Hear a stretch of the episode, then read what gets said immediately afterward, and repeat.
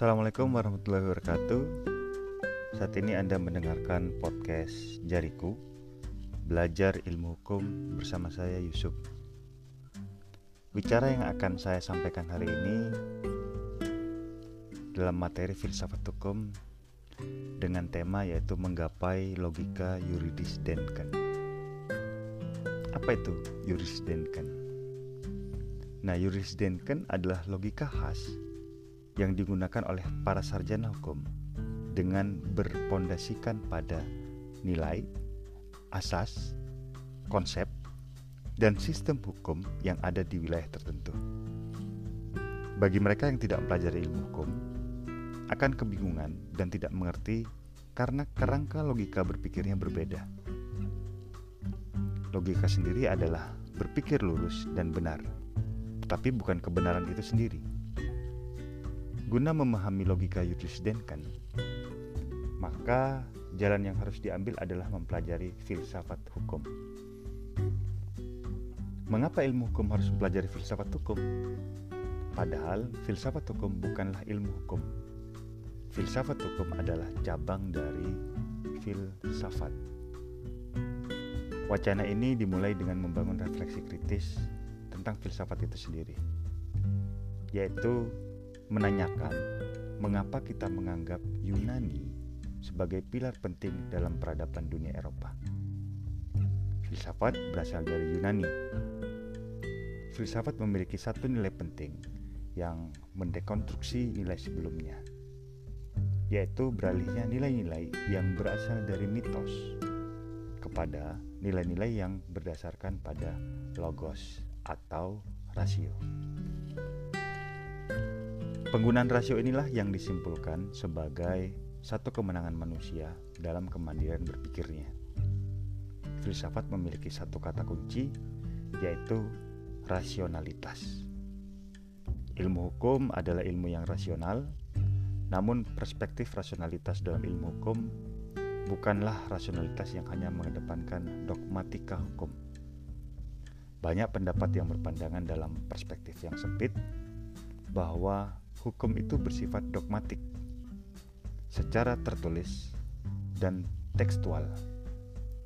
Hukum memang memiliki sifat dogmatik karena diciptakan dari teks-teks yang sifatnya otoritatif, yaitu merupakan produk-produk penguasa, kesepakatan-kesepakatan penguasa yang ditetapkan kepada masyarakat yang dikuasainya akan tetapi di balik selubung dogmatika hukum tersebut ada nilai-nilai yang dianggap memiliki pesan-pesan moral.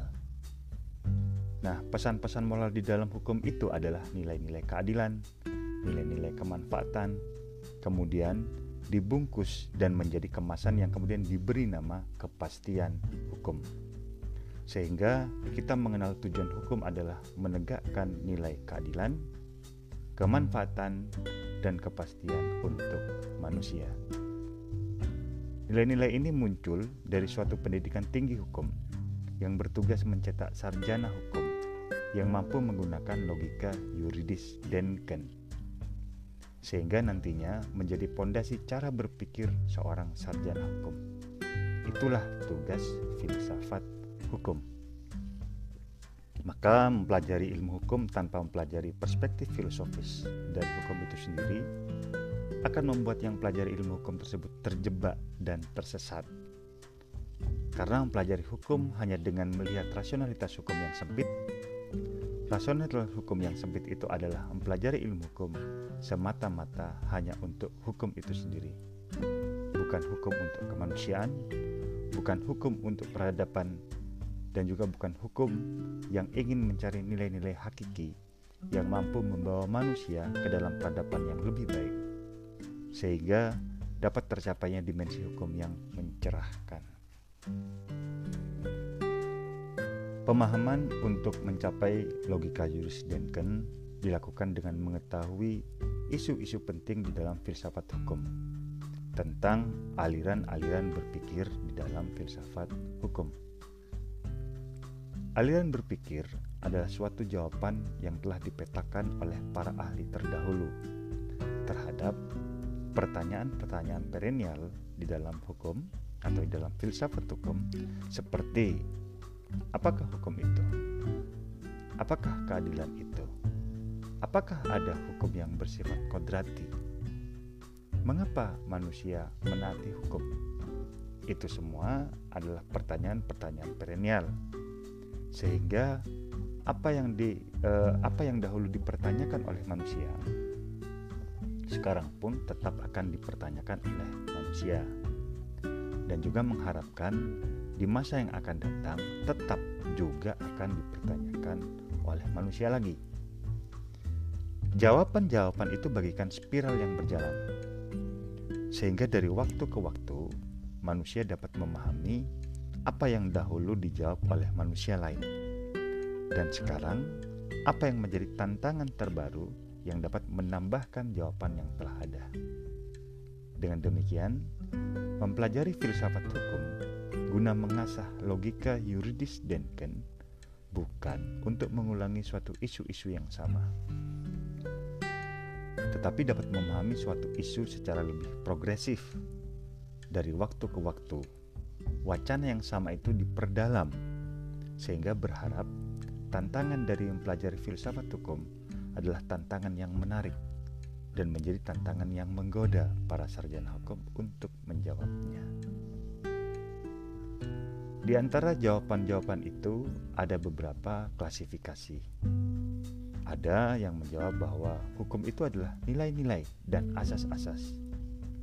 Ada juga yang menjawab bahwa hukum itu adalah produk-produk penguasa yang dikemas dalam bentuk suatu peraturan perundang-undangan dalam sistem hukum positif.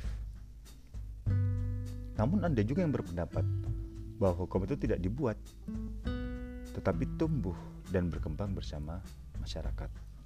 Dengan demikian, hukum kebiasaan adalah hukum yang paling hakiki. Beberapa tradisi memiliki pemahaman bahwa hukum itu hanya bersentuhan dengan dimensi empirik, dimensi kenyataan, dimensi yang terhubung dengan kasus-kasus konkret di dalam masyarakat. Karena itu, mereka berpendapat bahwa hukum harus berupa putusan pengadilan.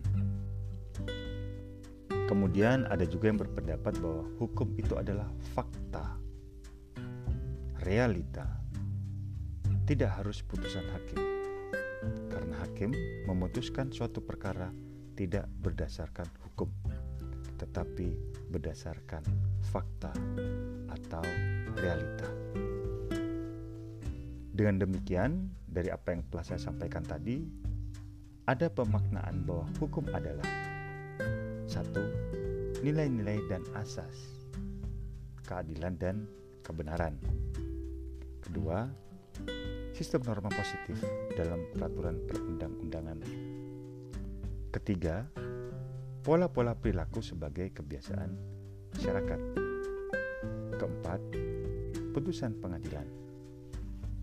Kelima, fakta-fakta berupa perilaku sim, uh, simbolik manusia. Dari lima perspektif ini, dapat dipilah bahwa tiap-tiap jawaban akan memunculkan aliran-aliran yang berbeda di dalam hukum. Tentu saja ada konsekuensi dari aliran-aliran ini. Tidak semua aliran dapat memahami suatu kasus dengan jawaban tunggal. Artinya, tiap-tiap aliran dapat menawarkan satu jawaban tersendiri dengan berbagai macam kelebihan dan kekurangannya.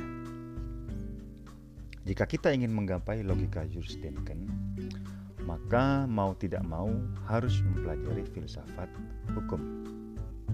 Karena dengan mempelajari filsafat hukum sangat erat kaitannya dengan mempelajari berbagai perspektif jawaban-jawaban dari hukum itu sendiri.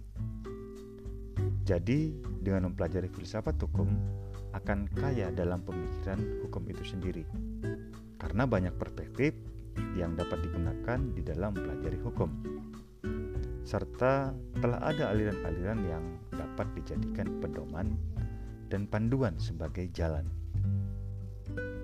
Alangkah baiknya mereka yang pelajari ilmu hukum mengetahui bahwa tiap-tiap aliran itu adalah suatu paradigma berpikir cetakan berpikir, yaitu satu model berpikir yang dapat memudahkan kita untuk menjawab berbagai permasalahan dalam hukum.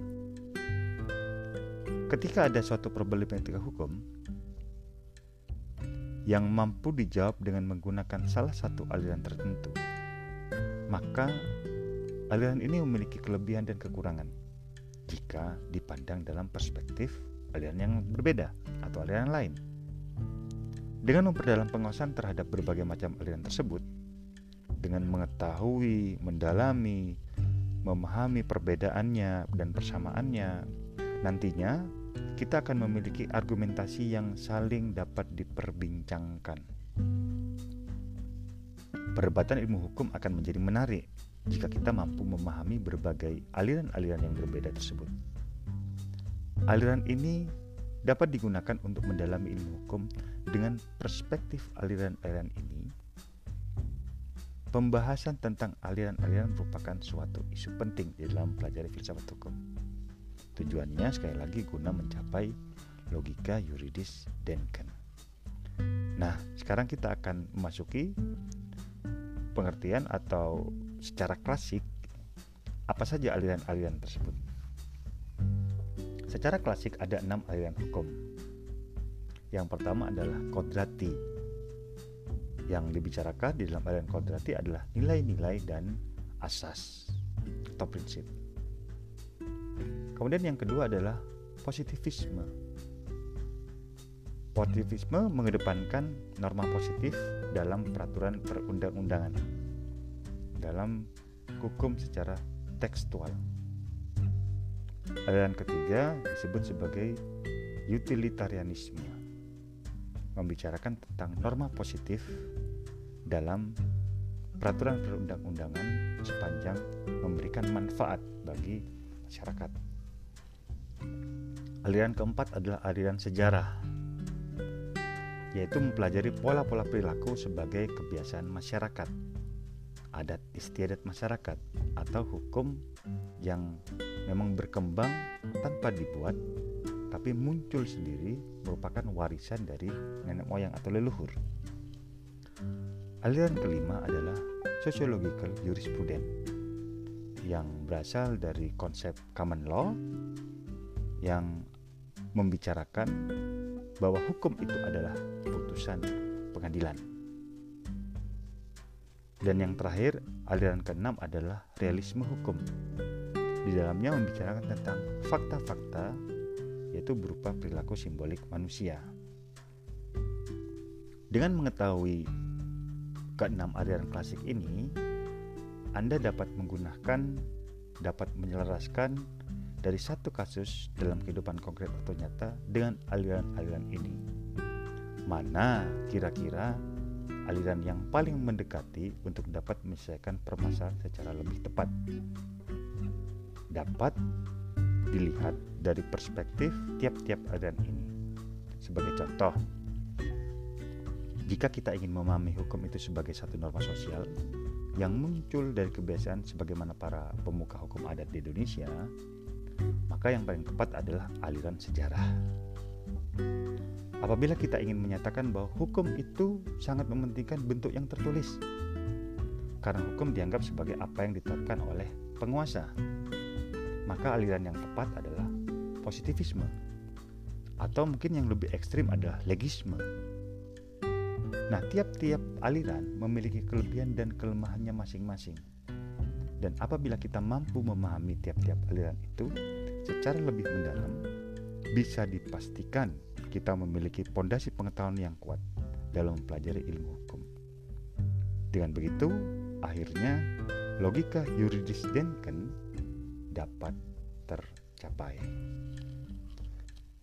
Silahkan terkait dengan pro dan kontra perdebatan-perdebatan akademisnya nanti kita bisa diskusikan pelajari secara lebih mendalam enam aliran klasik di dalam hukum tersebut, yaitu kodrati, positivisme, utilitarianisme, sejarah, sociological jurisprudence, dan realisme hukum.